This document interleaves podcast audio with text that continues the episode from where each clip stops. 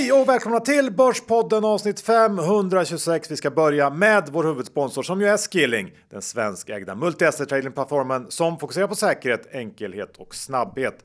Och John, om jag säger copy trading, vad säger du då? Ja, men då säger jag att det är ännu ett av de här verktygen som Skilling erbjuder sina kunder och som är så fantastiskt. Här får man möjligheten att välja mellan tusen olika strategier som andra traders har, som man kan följa och ja, ta rygg på. Ja, och det är ju extremt enkelt. Man kan bara botanisera runt bland alla olika strategier och hittar man då en som man gillar, ja, då kan man då kopiera den helt automatiskt. Och det här kan ju vara någonting att testa om man har kört fast lite grann i sin trading. Ja, för det vet ju vi om någon att det är väldigt lätt att köra fast i sin egna trading och då är det otroligt bra att kunna ta rygg på de som ja, är i toppform just nu. Ja, och det här kan man ju med fördel köra via Skillings kapitalförsäkring som man har i samarbete med Hubins. Väldigt enkelt att komma igång med. Kostar ingenting att starta upp en kapitalförsäkring utan det är först när man stoppar in sin första insättning som avgifter börjar löpa och mer om det här kan man läsa om i länken som finns i avsnittsbeskrivningen. Men kom ihåg att 82 av inte kunde förlora pengar när de handlar CFD så bögskallen.com för en fullständig ansvarsfri skrivning. Och med det så säger vi ett stort tack till Skilling! Ny vecka, nytt avsnitt av Börspodden. Vad pratar vi om idag? Ja, men idag är vi så besvikna så att det är helt otroligt. Mainstream media har ju eh, gjort oss jätte, jättearga på sin flathet. Börsen har ju ställt till med eh, skandaler som heter duga och myndigheterna och staten ska vi inte ens prata om. Kan det vara decenniets största skandal? Ja, men det kan vara det. Det kan vara århundradets med. It's up there. Det är definitivt i toppen. Men sen har vi såklart många bolag, intressanta case och ja, några syndabockar med där ute. Lyssna så får ni veta. Vi är denna vecka sponsrade av Karla som är Sveriges enda elbilshandlare där du kan köpa, sälja och leasa elbilar och laddhybrider online. Och John, vi har ju börjat älska elbilar, eller hur? Ja, jag tror hela svenska folket är på väg att göra det. Dieselpriserna har ju fullständigt skenat och då är det så otroligt härligt att köra en elbil. Ja, vad är det man säger? Once you go elbil, you never go bensinbil. Ja, eller dieselbil. Ja. Eh, och sen är det ju faktiskt så att Karla har ju seglat upp och blivit folkets favoritbilhandlare med då branschens nöjdaste kunder. Har du sett deras Trustpilot score? Ja, det har jag gjort för att jag är väldigt intresserad av Karla. Det är 4,9 Johan. Det är extremt högt får man säga. Och en av anledningarna till att de har nått ända dit det är ju att man faktiskt har öppet köp hos en bil. Man kan lämna tillbaka den om man inte är nöjd. Man har 14 dagar på sig att ja, se om man gillar den här bilen eller inte. Så är det. Och precis lika smidigt är det att sälja sin gamla bil till Karla. Man får en snabb och gratis värdering och vill man sedan sälja, ja då kommer Karla och hämtar upp bilen hemma hos dig. Väldigt, väldigt smidigt. Jag tycker man ska gå in på deras hemsida. Det finns väldigt stort utbud av bilar och ja, klicka runt och se om man hittar någon bil som man är intresserad av. Ja, och det är alltså karla.se och det är ett Karla med C. Så vi säger stort tack till Karla. Johan, Dr. Bass Isaksson index är 2180 och ja, det känns som att det är lite små negativt eh, sentiment där ute. Börsen vill inte riktigt lyfta över de här has nivåerna på 2200. Nej, men vill ju inte heller riktigt bryta ner får man säga. Nej, inte det heller. Så det är väl det man brukar kalla varannan dags marknad just nu, eller? Ja, Lite och, grann. ja och ganska avslaget ja. eh, generellt. Eh, ja, liksom, det, det är den tråkigaste perioden på hela året. Ja, och eh, det är väl så helt enkelt. Det är ju ett bra tag kvar innan Q3 kommer in. Eh, mycket fokus hamnar ju på makro under sådana här perioder. Men om vi ska ta upp någonting som jag tycker utvecklats till en trend den sista tiden så är det ju det här med budpliktsbud. Vi har pratat om Dustin där Axel Jonsson la ett eh, budpliktsbud i somras och de senaste veckorna så har budpliktsbuden haglat in. Vi har fått bud på Duni, Nordic Waterproofing och Backaheden här bara i september.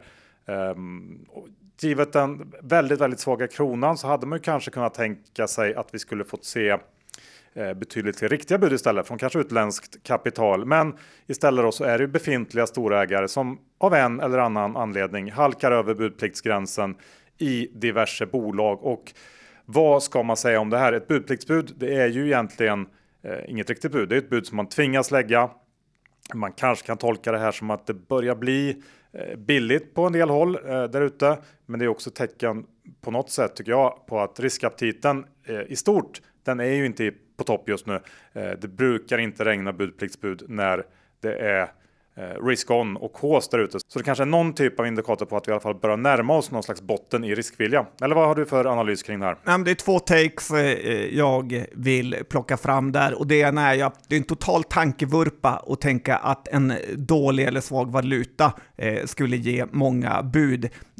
Är det många svenskar som är sugna på att köpa företag i Turkiet, Rwanda, eller Argentina, utan det värsta man vet är ju länder med svag valuta för att eh, det indikerar att det är ett dåligt land. Och tyvärr är det så. Mm. Det är men nu har, det... det, nu har det väl ändå gått lite, alltså det är ju inte Rwanda vi pratar om. Nej, men generellt sett att direkt tro att en låg valuta skulle ge bud är ju bortom, eh, vad finns det, level 0. Ja, men det blir ju ändå ganska billigt. Ja, eh, men det är framförallt därför vi nog ser att det är nuvarande ägare som lägger bud, som mm. ser att det blir billigt. Däremot letar sig inte nya köpare in för att en valuta har kollapsat. Så det är en tankevurpa, fel där. Eh, sen, ha, sen har du ju också, eh, de här budpliktsbuden har ju när de har gått ut så har ju aktiekurserna havererat egentligen och det har ju eh, skett eh, inte bara just de här senaste, typ med eh, Dustin, utan även Svedbergs eh, för eh, ett år sedan eller så, så har den nästan halverats sen eh, budpliktsbudet på eh, det eh, bolaget gick ut. Så att, eh, nej, ofta har det varit en bra affär att faktiskt sälja in de här budpliktsbuden. Så har det varit. Eh, du känns ju ovanligt negativ och på hugget idag, så att eh, då tänker jag att du ska få komma med en konjunkturspaning. Ja, jag har varit ute och härjat en del sista tiden, dumt nog kanske med tanke på min löpartävling. Eh, bland annat var jag på Soap Bar i helgen, äldst på Soap Bar fick en plakett eh, de satte upp här. Nej, men jag åkte en hel del Uber då och jag kan säga att där är det inte hög konjak eh, för taxichaufförerna nu. Eh, från Fulbromma en lördag till Stureplan. Gissa vad det kostar? Jag får att du skrev att det kostar 200 spänn. Ja, 190 spänn. Och eh, här i veckan kostade en kvälls-Uber från stan då, alltså andra hållet, till Fulbromma 155 kronor. Det är ju sinnessjukt är låga pris. priser. Ja, det är inte bra betalt för de här chaufförerna. Och, ja, men bra för inflationen. Ja, och det indikerar ju också lite av en analkande lågkonjunktur här med överskott på folk som vill jobba och underskott på kunder. Ja, men jag tycker ändå att det är Bra, vi behöver ju den typen av tecken. Ja, men det är verkligen en avkylningstecken. Liksom, eh, tecken. ja. Härligt. Ja, kul. Du... Och det är kul att åka taxi när det kostar så lite. Ja, eh, men nu eh, känner jag att vi inte kan vänta längre. Vi måste ju prata om veckans överlägset största skandal som ju är den Nasdaq-anställde som haft en ledande roll på börsens marknadsövervakning och som nu då häktats för misstänkt för insiderbrott. Och vi har ju länge, får man säga, varit kritiska till börsens utveckling. Vi har alla de ihåliga argumenten från börsens håll om att alla märkliga förändringar som genomförts de senaste åren, de har gjorts för alla investerares bästa, när alla vet att det inte alls stämmer. Som till exempel den anonymiserade handeln och de här absurda tick size förändringarna. Det här har ju dessutom kombinerats med någon slags helt ursinnig jakt på småsparare för sådana här hittepåbrott som enpetare och annat strunt som man då har samlat under namnet marknadsmanipulation och tillsammans med EBM och FI så har man jagat enkla pinnar i statistiken och helt lagt sig platt för den här riktigt allvarliga brottsligheten på börsen, alltså insiderhandeln. Och nu visar det sig då att en av topparna på Nasdaqs marknadsövervakning, en person vars enda uppgift i livet egentligen är att se till att folk sköter sig. Han är själv misstänkt då för grovt insiderbrott. Det är ju svårt att ta in. Ja, det är ju, alltså det borde göras en Netflix-serie om det här, eh, både i form av ondska och i form av eh, ja, spänning. Men det jag tycker är lite sjukt är att jag får ju känslan av att eh, eh de som, den här snubben då har suttit och matat eh, EBM och Finansinspektionen med enpetar-förbrytelser eh, för att hålla deras fokus borta från hans eh, egna affärer. Eh, så det gör en så enormt irriterad och bitter på det här.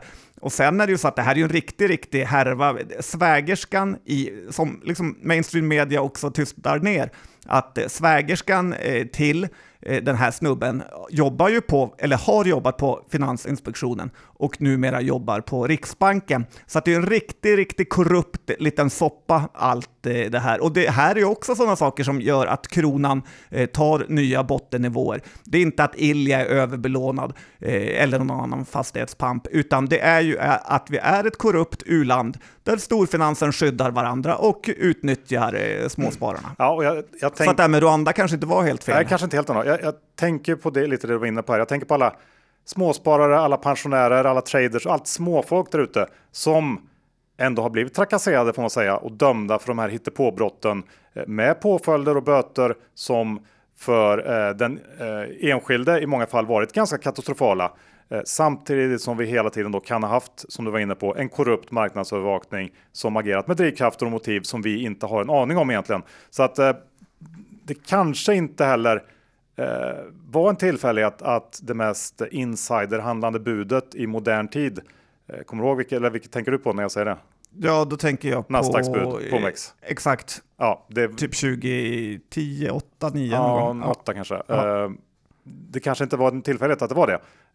Det kan ju vara så att det här sitter i väggarna där ute i Frihamnen. Oavsett vad så är det här någonting som ska kosta satan för Nasdaq. Ja, men det här ska Nasdaq straffats jättehårt för. Finns det tillstånd att dra in så drar man in dem. Ja, och det är så otroligt irriterande att media nästan har tystat eh, ner det här. Eh, en annan sak eh, jag tänker på är ju det här som det ofta har rapporterat om, att Sverige har legat absolut högst i de här enpetarbrotten och utdömda böterna.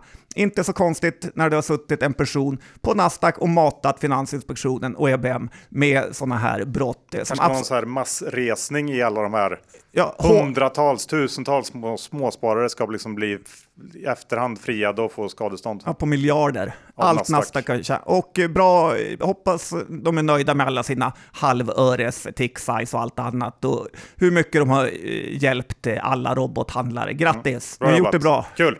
Bra för er. Mm. Så. Mycket ilska här. Ja, det är ändå äkta ilska. osammanhängande irritation. Ja, på... Ja. Nej, men väldigt, väldigt irriterande. Det är, får man ju minst sagt säga. Du, ehm, staten gör det igen också. Det gör de, kan man lugnt säga. De visar hur totalt värdelösa de är som ägare. Eh, det senaste är nästan som man tror att det är ett skämt, men Casino Cosmopol här i Sveriges huvudstad Stockholm, eh, som har, ligger på absolut bästa adress, ska hålla stängt alltså helstängt. Har du läst det förresten? Nej, inte alls. Eh, de ska hålla helstängt söndag, måndag och tisdag halva veckan i princip. Man har monopol på att ha ett kasino och ändå kan man inte få det att gå runt alla dagar i veckan. Jag vet inte ens hur det är teoretiskt möjligt att missköta en verksamhet eh, så här brutalt. Det är inte någon sån här folkhälsogrej? Nej, för då tror jag inte man hade haft öppet på eh, fredag, lördag. Nej, Utan... fredag, lördag är väl ändå liksom lite festdagar. Jag tänker söndags, det är ju lite som systemet, stängt på söndag. Mm. Nej, det tror jag tyvärr Nej. inte Johan. Okay. Jag var faktiskt här på eh, kasinot för några veckor sedan och eh, slogs faktiskt över hur nedgånget och eh, skabbigt det kändes. Så att eh, snälla staten, sluta förnedra svenskarna och er själva mera. Sluta driva företag, ni klarar inte av någonting. Du behövs det inte kanske en riktig tradingskandal nu? Ja, men det är lite det jag går runt och känner här, att vi behöver en tradingskandal innan vi kan gå vidare från den här sura och eh, tråkiga börsen. Att det krävs några offer till börsguden eh, med folk som har tagit för stora risker, eh, främst då med andras eh, pengar, för det är de bästa skandalerna.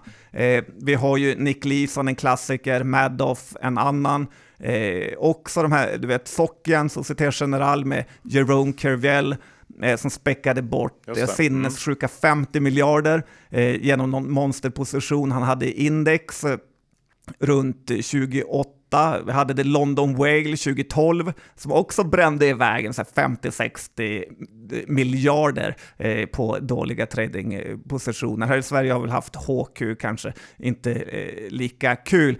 Men ändå, vi känns ändå som att det borde finnas några fler som kommer smälla ordentligt av den här nollräntan som eh, vi haft. Alecta är väl eh, nära, men ändå lite så här väntad. SBB också hyfsat väntat.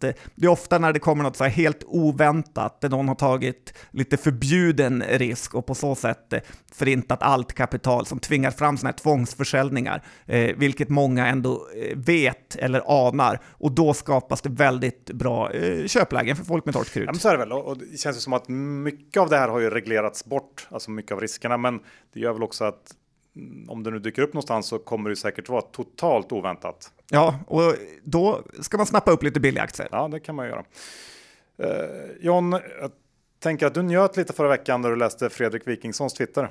Om Marbella? Ja, man skrev ju att Marbella var den mest lobotomerade platsen på jorden och om man har något med Marbella att göra så är man bortom all räddning lobotomerad. Ja, det var härligt. Då njöt du. Och det var ju väldigt många som taggade in Börspodden i den tråden. Typ var tredje kommentar var Börspodden intaggade. Ja.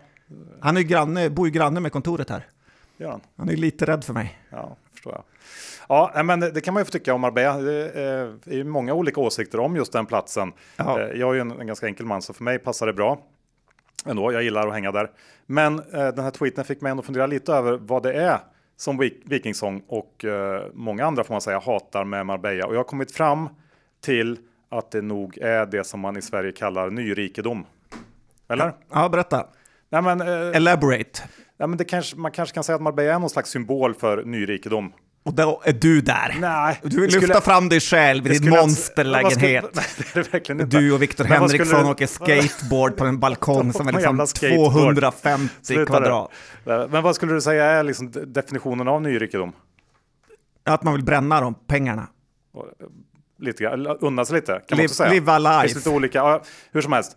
Um, jag, jag tänkte på det vad det innebär att vara nyrik och varför anses det egentligen vara någonting fult till skillnad från att komma från då gamla pengar. För om man tänker efter så innebär ju nyrik att eh, man har tjänat sina pengar själv, kanske genom att bygga upp ett framgångsrikt företag och att man på så sätt har gjort en klassresa. Och det är någonting fantastiskt tycker jag. I USA kallas det här för the American dream och det är den drivkraften som ligger bakom all framgång som USA någonsin haft som land. Men i Sverige så är det här en term som man använder lite nedsättande om man lyckats och gjort en klassresa. Eh, det här är såklart också, tycker jag i alla fall, en del av den svenska losmentaliteten. Vi borde ju omfamna viljan att bli nyrik. För om vi kan öka antalet nyrika så kommer det innebära massor av positiva saker för Sverige som land. Och det bästa är ju att trots vi all skit eh, som vi klagar ganska mycket på i det här landet faktiskt fortfarande har väldigt bra förutsättningar för att bli just nyrika i det här landet. Så att Eh, tycker att man ska se lite annorlunda på det där. Ja, men jag tycker att det här var lite ekonomibyrån-läge att bjuda in dig där. Jag håller faktiskt med till eh, stor del. Eh, för det är ju omöjligt annars för en kille från Arvika och en kille från Umeå. Vi kommer aldrig komma från gamla pengar. Det blir svårt. Utan det är liksom, vi får skaffa dem själva. Och då är det väl mycket bättre att vi har massa folk som har skapat pengar än... Att ha ärvt dem. Ja. Nej, men here, here. Bra sagt. Du, AI börjar bli lite tröttsamt eller? Ja, men det är ju så maximalt hypat det bara kan bli just nu och det, jag tror det är många som känner att man inte riktigt hängt med eh, om man då inte är Christopher Barrett som gjort sig ett eh, supernamn på att vara någon AI. Eh, expert just nu. Eh, men AI ska förändra allt sägs det utan att man egentligen märkt något. Eh, förutom lite klipp på Insta hur Messi snackar engelska eller Astrid Lindgren rappar Eminem. Har du sett den? Det var ganska kul. Eh, lite fina tavlor, lite överdrivet men ändå sant. Eh, men det är ju en hype runt det här och eh, det måste du hålla med om. Ja, absolut. Och det, då kom jag faktiskt att tänka på något som finns i det här rummet som den senaste hypen. Vet du vad jag menar? Titta till eh, vänster. 3D-printern. Oj. Där ja, på golvet står den. Ja, där står den. Och eh, det var ju en rejäl hype också som var rätt brutal. Lilla Johan gick och köpte den. var typ rätt dyr, med sig, 25 000. Ja, den var jävligt dyr. Ja, jag kan säga att de reservdelarna jag printat på den blev inte billiga. Nej, men det är rätt sjukt för att man skulle lägga ner alla fabriker och allt skulle bara 3D-printas från flygplan till... Ja. Vill någon förresten köpa den här av mig så är det bara att komma hit till kontoret och ja. plocka upp den. Hur, vad kostar den? Eh, vi kan nog komma överens om man säger så. Ja, det kan vi det göra. Nej, men eh, det enda jag kommer ihåg att du har gjort med den här 3D-printern, det är ju en rullgardinskrok, eller vad det kallas, ja. från Ikea. Mm. Och sen gjorde du något julpynt eh, till ja, mig med. Lite psykovarning på det, eller? En liten julgran tror jag som du kan hänga i din... In, I min stora julgran. Ja, ja lite underligt. 3D-printa julpynt. Ändå fin.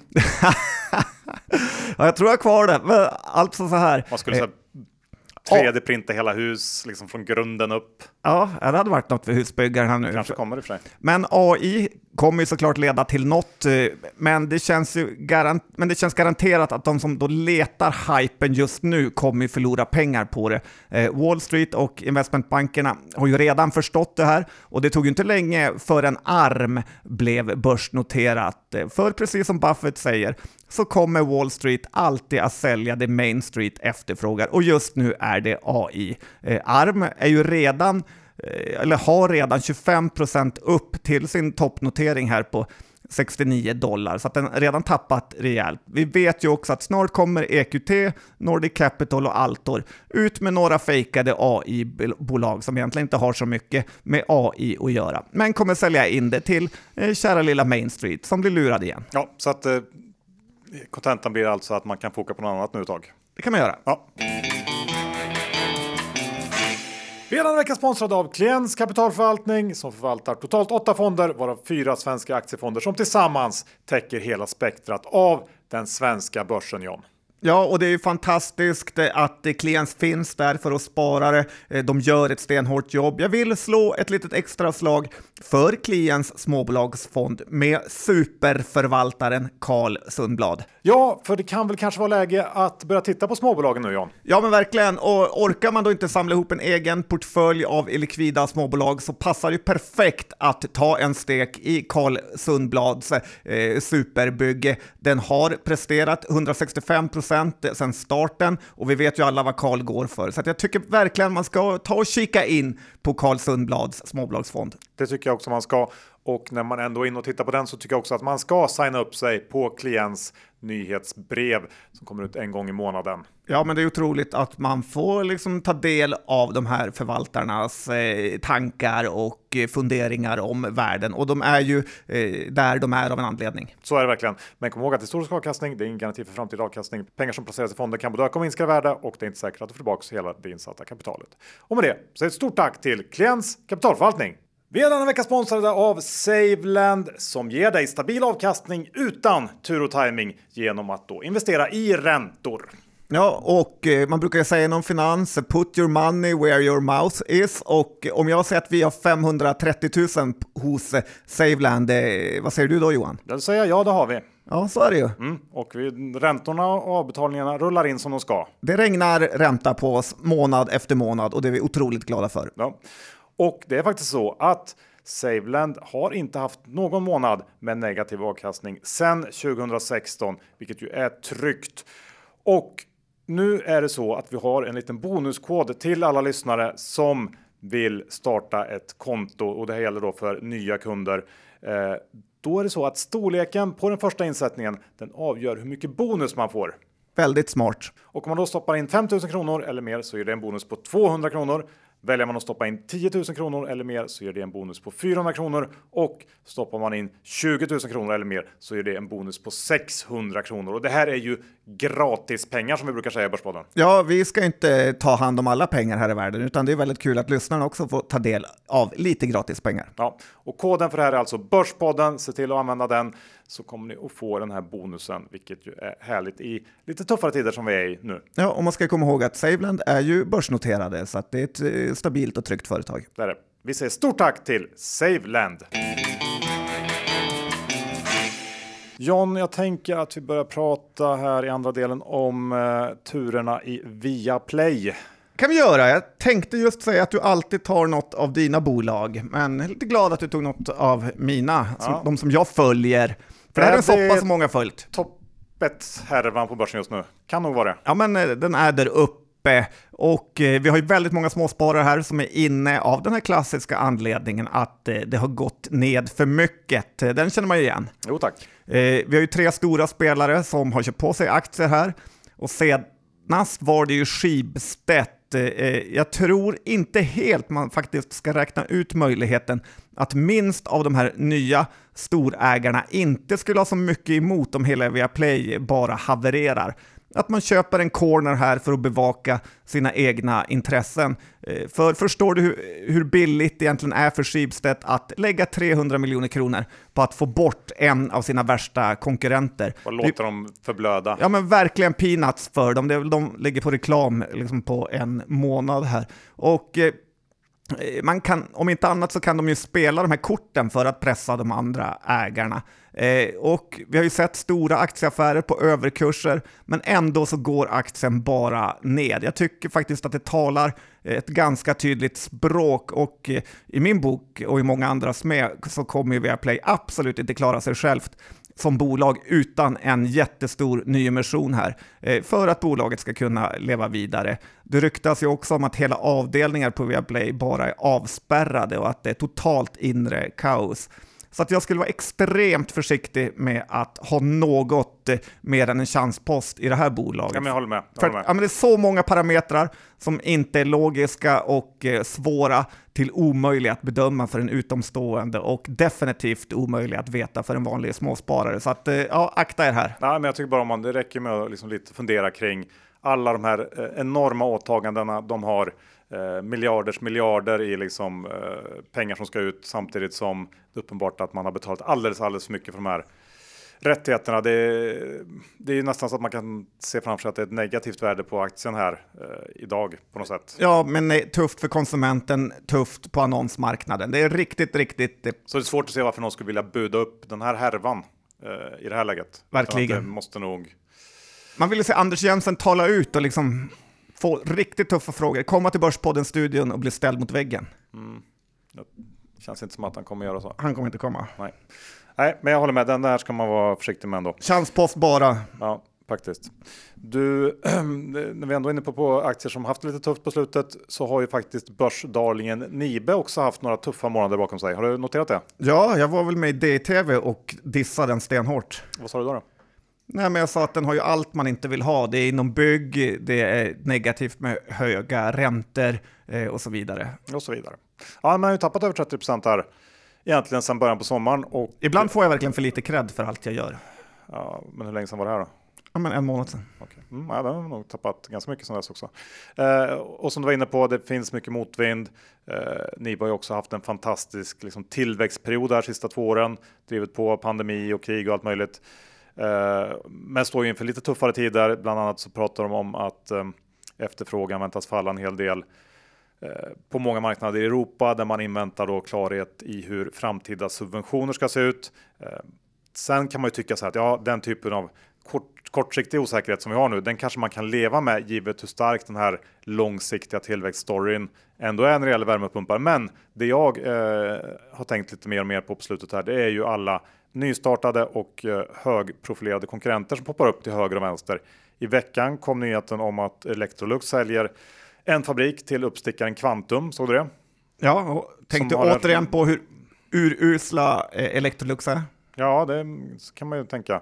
Eh, Quantum har en rad näringslivskändisar i ägarlistan. Sen har vi Harald, Harald Mix jättesatsning, den här Aira som har eh, massor av muskler och någon slags ambition att ta 10% av hela slutmarknaden. Om det är något jag aldrig ska köpa är en Aira-pump av Harald Mix. Det kan jag lova dig. Hellre fryser jag och hela min familj ihjäl än att köpa en sån värmepump. Ja, men jag tror du är ganska ensam om att ha just den, den hållningen. Mm. Ehm, allt det här kanske bara är brus, vad vet jag, men det är uppenbart ändå tycker jag att Nibes framgångar har lockat till sig konkurrens och Eh, det är också möjligt att börsen börjar på något sätt se det här och börjar prisa in en framtid för Nibe som inte riktigt är lika ljus och fantastisk som den har varit sista, ja, så länge man eh, kommer ihåg typ.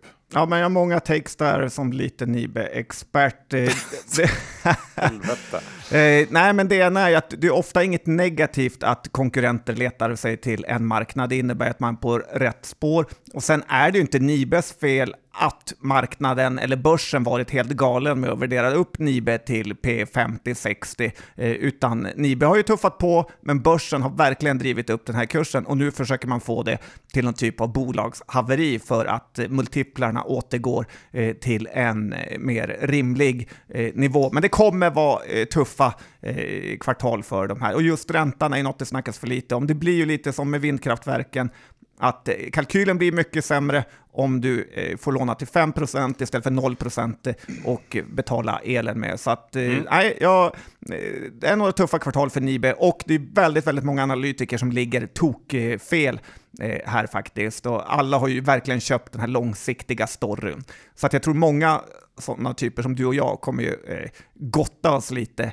om det går tuffare för dem några kvartal. Ja, det kommer vi Det kommer vi. göra. Gert-Erik har ju ändå han klarar sig. Ja, det har han. Du, eh, jag var inne kort, kort på Nordic Waterproofing i början. Det finns ju ett budpliktsbud där. Irländska eh, huvudägaren har lagt det och eh, det vill du säga några väl valda om. Ja, men det vill jag och du vet ju lite det här är som i bästa femman eller På spåret när man kopplar bort burar för att inte alla ska få höra. Lite så är det nu. Nu kopplar jag bort eh, Petrusco och värdeinvesterarburen. För nu är det case för de vill, som vill spela boll Johan. Ja. Play ball. Shoot! Eh, det ska jag göra, men eh, Nordic Waterproofing, det händer grejer här. Eh, kommer ju, alltså det har inte kommit än, men troligast kommer det komma ett budpliktsbud på lägst 160 kronor här. För Kingspan har ju passerat eh, budpliktsgränsen. Och efter det här är ju det som är intressant, eh, som har hänt och som har skapat den tradingmöjligheten, det är att flera aktivistfonder har flaggat upp eh, här som ägare, köpt över 5 eh, procent i det här bolaget, alltså i eh, New Nordic. Och eh, New Nordic heter de inte. Nej, eh, förlåt. Utan Nordic Waterproofing här. Det är ju bra om man köper rätt bolag, kan, kan man tycka. Eh, det var det trader. De slipper det här blåbärsbolaget. För normalt hår, det, det funkar inte på oss. Nej. men aktivistfonderna har ju flaggat upp här och eh, det är ju faktiskt troligt, eller hyfsat troligt, eller i alla fall en möjlighet, att det kommer komma ett bud på hela bolaget eh, på en lite högre nivå. Eh, jag tycker att det är en hel del som talar för att man ska våga ta en trade här. Eh, Kingspan eh, är ju tidigare, har ju tidigare köpt aktier på högre nivåer än så här. Och Kingspan är ju också irländare som du sa. Och då får man ju euroeffekten här eh, på det. Oj, den som inte fanns när jag pratade om den Jo, men det finns för Men dem nu?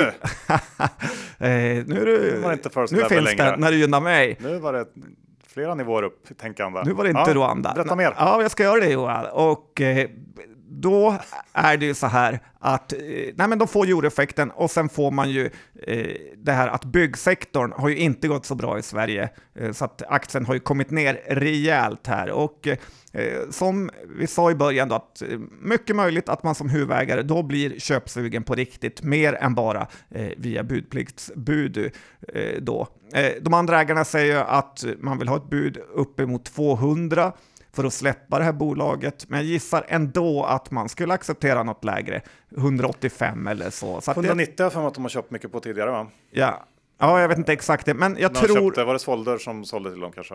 Det gjorde de bra. Nej, men Ja. jag tror att här, jag tycker ändå att det är ett intressant läge Mm. att våga ta en liten så här budtrade, att själv leka lite aktivistfond. Jag har gjort det, eh, så jag Ja, men hoppas såklart att det kommer. menar, om man tänker sig in i deras eh, huvuden, irländska huvuden, så... Spelar du mind game nu? Nej, men, men det, om man nu vill ha det här bolaget eh, så känns det väl ändå som att eh, ja visst, det kanske kan bli ännu billigare och det kan gå sämre, men det har ju ändå gått ganska. eh, Det är en tuff period så att det är ju ändå ett hyfsat bra läge att försöka. Så att varför inte försöka slå till, tänker jag. Ja, men lite så. Därför jag köpt en liten... Några procent mer neråt i aktiekurs spelar det så stor roll på lång sikt? Nej, det gör det inte. Helt rätt Johan. Ja. kan köra podden själv nu. Bra, då har vi eh, EG7. Tänkte jag. Den lilla härvan. My Little Monster. Mm. Har du spelat något mer av det? Nej, men Men det- kul att du var storägare i det. Vi pratade det här om att sitta i samma båt och inte som ledningen, kommer du ihåg det? Mm. det här bolaget. Vi kommer komma tillbaka till det. Men eh, i veckan som gick så eh, havererade ju den här aktien på börsen efter att de då gjort en tveksam eh, och kletig affär igen får man säga, där man i alla fall kan misstänka att huvudägarnas bästa gått före resten av aktieägarnas intressen. Och det handlar då om eh, ett förläggaravtal som det kallas i den här branschen som ingåtts med Cold Iron där EG7 då förbinder sig att netto investera 15 miljoner US-dollar i ett nytt spel över två år samtidigt som EG7s Toadman som är den här liksom konsultlådegrejen tror jag, får ett kontrakt på 8 miljoner dollar för att hjälpa till att utveckla det här spelet. US-dollar. Ja. Viktigt att säga US-dollar så att ingen tror att det är nyzeeländska. Exakt, för det är väldigt lätt att... Det är lätt att blanda ihop. kan vara Hongkong-dollar också. Det blir helt Men- annan prisnivå då. det, det, blir, det, blir det, faktiskt. Ja, det blir det faktiskt. Det blir det. Hongkong-dollarn är väl ganska billig Det är den. i jämförelse med den amerikanska. Men eh, problemet här, är, ju- känner du till de här förhållandena mellan de olika bolagen i EG7? Nej, men jag tror jag har zoomat ut från det. Ja, jag förstår dig. Jag var tvungen att läsa in mig lite på det. Men problemet är ju att då det här Cold Iron, eh, det var tidigare då ett helägt dotterbolag till Daybreak som ingår i EG7 som man köpte. Men, per Agerman-vibbar på dig nu när du Ja, men- reder upp en bolagsstruktur. Men det här Cold Iron-bolaget det bröts ut då i samband med att EG7 köpte Daybreak och det innebär att ägandet av Cold Iron det stannar hos säljarna av Daybreak och vilka är det? Kan du gissa? Nej, Det är ju då vdn och styrelseordföranden i EG7. okej. Så att eh, det är kletigt. Du är sugen på att komma till Uppdrag granskning nu, Nej, redovisa. verkligen inte. Eh, och det för så tillbaks till det här vi pratat om de senaste gångerna vi tagit upp EG7 att eh, finns ett problem med förtroende för ledning och storägare här. Eh, kanske är, den här aktiens största problem och eh, vi slog fast att ja, de älskar pengar, men eh, Eh, och att det är ju bra så länge man sitter i samma båt. Men känslan var ju redan då att eh, det var lite osäkert om man satt i samma båt och den känslan har förstärkts efter eh, den här senaste veckans händelser får man väl säga. Och idag har bolaget kapitalmarknadsdag släppte nu på morgonen ett antal lite halvluddiga kanske man får säga målsättningar för 2026 och något slags utdelningsprogram som ska kickas igång nästa år. Under dagen så antar jag att ledningen mer i detalj kommer att försöka förklara hur man ska nå de här olika målen och så vidare. Men EG7 har ju en rejäl förtroende uppförsbacke efter eh, den här affären i veckan. Ja, det är synd att eh, bolag gör så här, för det här tar ju fem år att reparera sådana här förtroendeskador och eh, Och även om man har jävat ut sig i styrelsen när beslutet tagits och så vidare. Så det går liksom inte att... nej, Nej, det, man tror inte på liksom det. ingen roll. Nej. Och det är synd att de är så giriga att de håller på så här, för det hade kunnat bli något eh, annars. Ja, Och synd de har aktieägare som har trott på dem. ja, så att eh, vi får se. Det är klart det fortfarande kan bli något, men eh, nu måste de liksom leverera innan eh, jag tror att börsen kommer att vara snäll mot dem igen. Vi går över John till eh, Grot och SCT, för det var länge sedan. Han Ja. har fått ta det lite för lugnt, lite för länge. Men du vet ju att jag har en kompis som för övrigt jobbar på Penser, men han har ju sagt att eh, min största eh, svaghet, eh, kommer du ihåg vad han har sagt att min största svaghet är? Nej, jag har ingen aning. Det är att jag förlåter för lätt. Eh, Det tror jag inte att han har sagt. Jo, han har gjort det. Men nu är det slut på att förlåta för lätt. Eh, Jag har så länge försökt att ge Mange Groth chans på chans. Men nu har han typ, eh, ja han är en grov återfallsförbrytare i att underleverera aktieägarvärde och jag kan inte förlåta sånt längre. Essity har ju skyllt på precis allt man kan skylla på under flera år nu. Höga energipriser, höga transportkostnader, höga råvarupriser. Det finns inte något som Mange Groth inte skyllt på. Och nu är aktien nere i sopiga 240 kronor. Eh, något kanske skyddar Mange genom att säga att Kimberly Clark inte heller gått eh, särskilt bra, alltså största konkurrenten. Men de har ju gått eh, dåligt i dollar, så därför har de gått mycket bättre. Simon Blecker var ju ute här i DI för, ja men var det något år sedan här och hackade eh, på Mange Groth. Men Lundberg verkar inte bry sig. Och jag såg faktiskt att Essity är Bleckers sjätte största innehav i hans fond, så han kan inte heller vara nöjd med hur Essity sköts. Någon måste ju börja att eh, eh, styra upp det här företaget och man får börja i toppen som det sägs. Eh, eller vad säger du? Ja, nu när du sitter och pratar, jag tänker, är det inte här någonting för Gard- Gardell kanske?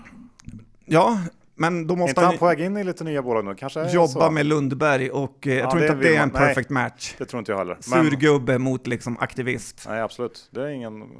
Men det- vem har sagt att det måste vara så lätt hela tiden? Nej, men Magnus Groth, skaffa ett nytt jobb. Mm.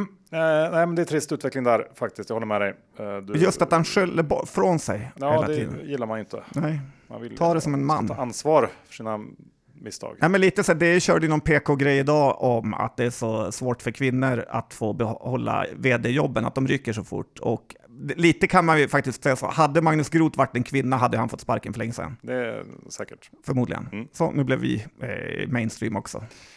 Någon gång ska vi bli det. Mm. Mm, men vi kommer ju inte bli så mainstream så att vi eh, gillar Intrum tänker jag, för vi byter till Intrum. Eller kanske inte är mainstream att gilla Intrum. Nej, den är väl ganska hatad nu. Ja, det kanske är, hata Lars Söderfjälls favorit, har eh, legat fel i den i Men- tio år. Han och, eh, vad heter hon på det? Agneta Sjödin, Ja, inte Sjödin, men hon leder Agneta. Fångarna på fortet. Agneta. Nej, men, eh, Jönsson, ja, Intrum höll ju kapitalmarknadsdag i veckan. Det såg det. Ja, den gick ner ganska rejält på den. Ja, men då, då var ju något slags fokus på Eh, den för höga skuldsättningen och eh, Intrum ska då lösa det här genom att dra ner på nya investeringar och de ska sluta betala utdelning och, eh, och så ska man också då försöka sälja skuldportföljer och planen är då alltså att försöka banta sig till ett bättre läge. Det här är en strategi som eh, många andra överskuldsatta bolag eh, försöker sig på. SBB har försökt eh, Embracer och så vidare. Det är bara att man börjar ju för sent. Ja, det är svårt på något sätt att uh, gå vinnande ur en sån bantningskur tror jag. Helt ja. enkelt. Mm. Uh, egentligen behövs det ju en nyemission, men det stora problemet med Intrum är ju att ingen vill ju egentligen äga det här. Ingen. Nej. Nej. Men det gäller inte bara dem, utan det är så här Collector, de har ju bytt namn nu, men resurser och allt vad de heter, det är inte eh, läge att eh, äga den här typen av bolag. Nej, men det är liksom ingen som går igång på den här typen av verksamhet. Man vill, det, det, det är ingen som älskar inkasso och skuldportföljer med överbelånade italienska hushåll. Det är liksom inte det man... så det här är ju en aktie man har haft längst, längst ner i portföljen. Ja. Så att den nästan inte syns. Och... Men det här var ju något investmentbankerna krängde ut på börsen i mängder under eh, några år när det var hett. Ja, och den har legat där bara för att den har lämnat en ganska bra direktavkastning. Ja. Eh, och då har man kunnat motivera med. Man vill inte se den, men den finns där bidra, har bidragit till någon slags stomme. Men nu finns det ju absolut ingen anledning att äga det här. Nej. Nej. Bra. Bra. Så. Då var det, har vi slagit fast det. Har vi släppt analysen på, no, på eh, Intrum. Och, och, så går vi vidare Vilka till... Vilka var det som köpte Nordax? De kan inte vara helt nöjda heller. Ja, det, jag kommer inte ihåg det tyvärr. Mm. Nu är det för svårt för mig. Men nu släpper vi alla tråkiga nyheter John och går över till någonting eh, desto trevligare och det är ju att Champions League har dragit igång och det gillar en fotbollsälskare som dig. Det är det verkligen. Det är verkligen kul att ha något att titta på eh, igen. Och, eh, särskilt som Newcastle är med här och spelar i år i Champions League, spelar mot Milan igår. Mm. Din gamla klubb, eh, vad mer hejar du på nu? Eh, Men nu hejar jag på Newcastle. Okej, okay, du hejar på Newcastle. Ja. Eh, för du hejar ju på Brasilien, landslagen. Ja, och sen var det ju tidigare olika. Manchester City ja. i England, Real Madrid, Barcelona i Spanien, PSG i Frankrike. Ja, det är där lite du är. så. Men jag, ja. hejar, jag är så att jag hejar på spelare, jag har sagt det förut va? Ja, vi lämnar det. Vi lämnar. Eh, men så här, eh, ja, lite tänkte jag, det är lite ditt fel att fotbollen har blivit som det blivit. Att det inte är lagsport längre. Ja, men, den tar jag på mig. Ja, det tar du på dig. Eh, men det är PSG Dortmund var i huvudmatchen igår. Och Dortmund sponsras ju av Evonik Industries som är Tysklands kännaren Karl Lanz eh, favoritcase. Han skrev en analys om det för typ ett år sedan. Gissa hur det har gått? Uh, när du säger så så tänker jag att det gått dåligt. Det har det gjort, eh, bara ner 40 procent. Sen skrev han också en analys om Washtec, ett tyskt biltvättsföretag. Gissa hur den har gått? När du säger så så tänker jag också dåligt. Ja, det är inte en dubblare, vad gissar inte på det? Äh, den är ner 33 procent. Ja. Eh, så att jag köpt båda till min evighetsdepå eh, och jag tycker nu så här för svenskare småsparares skull, att det vore rätt schysst om Karl Lans slutade skriva analyser om tyska bolag ett tag, för han har inte riktigt den här fingerspitz-gefil får man säga. Nej, men då kanske det passar bra att gå över till Akelius, för det finns ju tysk koppling där ändå på något sätt. Nu har de kanske sålt mest ja, av... Sålt eh, allt. Ja, framförallt Akelius D-aktien här, den har väl ingenting egentligen. Men det är tradingläge som har uppenbarat sig igen i Akelius D. Eh, där det verkar som att bolaget slutat återköpa aktier här inför sin rapport och aktien har tappat eh, eh ned till som lägst 1,69. Den här handlas ju i euro. Eh, I fredagskålen så trycktes den ner rejält. Eh, och det här är ju ett sådär klassiskt köpläge.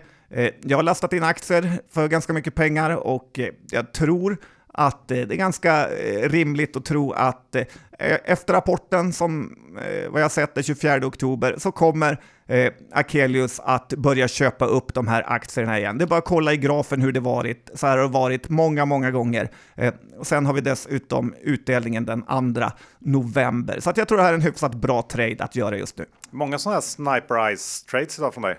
Ja, jag. jag är hungrig. Jag behöver pengar mer än någonsin det. Johan. Vad har hänt? Ja, gått, Firefly har gått ner till 130. Ja, ja. Du, ska vi avsluta med lite konsult eh, och vinstvarningssnack för att eh, det har börjat droppa in vinstvarningar. Eh, och även om det är från lite olika branscher så sticker ju konsulterna ut. Vi har fått två här sista veckan från eh, finska konsultbolag. Jag tänker att det kanske beror på att finska bolag ofta guidar och att man då eh, i högre utsträckning måste gå ut och berätta om det inte riktigt blir som man har guidat för. Men Man väntar ju på Diadrom nu.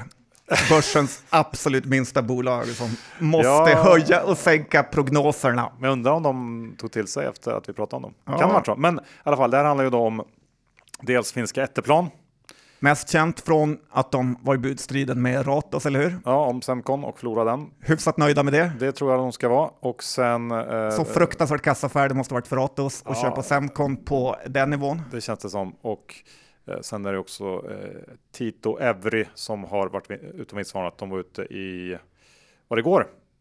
Va? Ja, det var det. Och, och Etteplan i måndags. Bägge säger ungefär samma sak att eh, det har väl börjat liksom sakta in på konsultmarknaden. Men det är ju inga jättevinstvarningar man kommer med. Man justerar ner prognosen lite grann. Tieto eh, justerar ner sin tillväxtprognos från 57% till 4% och sen sänker man rörelsemarginal eh, guidningen med en halv procent. Så att det, det är väl inget stort och i stort skulle jag också säga att det här är en utveckling som börsen har förväntat sig. Aktierna tappar inte särskilt mycket på de här beskeden eh, och det går ju i linje med alla signaler vi fått den sista tiden om att det stegvis blivit svagare för varje kvartal som, kvartal som gått här under året.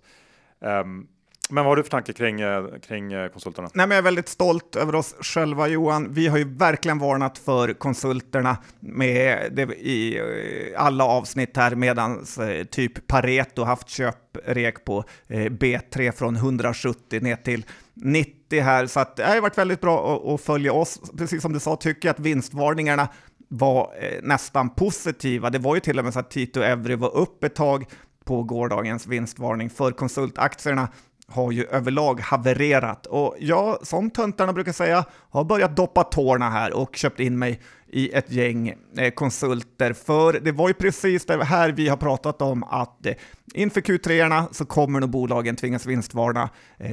Man kan inte köpa när det har vänt upp igen, utan man måste våga eh, börja köpa när det ser lite mörkt ut. Eh, vi vet ju att också Q1 2024 är en mindre arbetsdag, så att det kan vara läge att så smått börja eh, köpa in sig nu för att börja Är inte panikera. Q, Q3 också en mindre eller? Jo, Ja, och du sa Q4, ja, kanske. Q4, Q1, men eh, det kommer bli bättre och det är bara fyra månader kvar får man komma ihåg av det här året innan vi har ett nytt ja, men, eh, år och det lite så här svarta 2023 eh, är borta och vi har, tittar in i nya böcker. Så att eh, jag börjar ändå bli lite positiv och jag tror definitivt om du börjar panikera av vinstvarningarna som kommer nu, då är man helt fel ute för att eh, det är ju det här börsen har väntat på. Ja, men det håller jag med om. Men för att knyta upp säcken så kanske vi kan gå tillbaka till Ratos. Där är jag mer tveksam till att det verkligen är läge.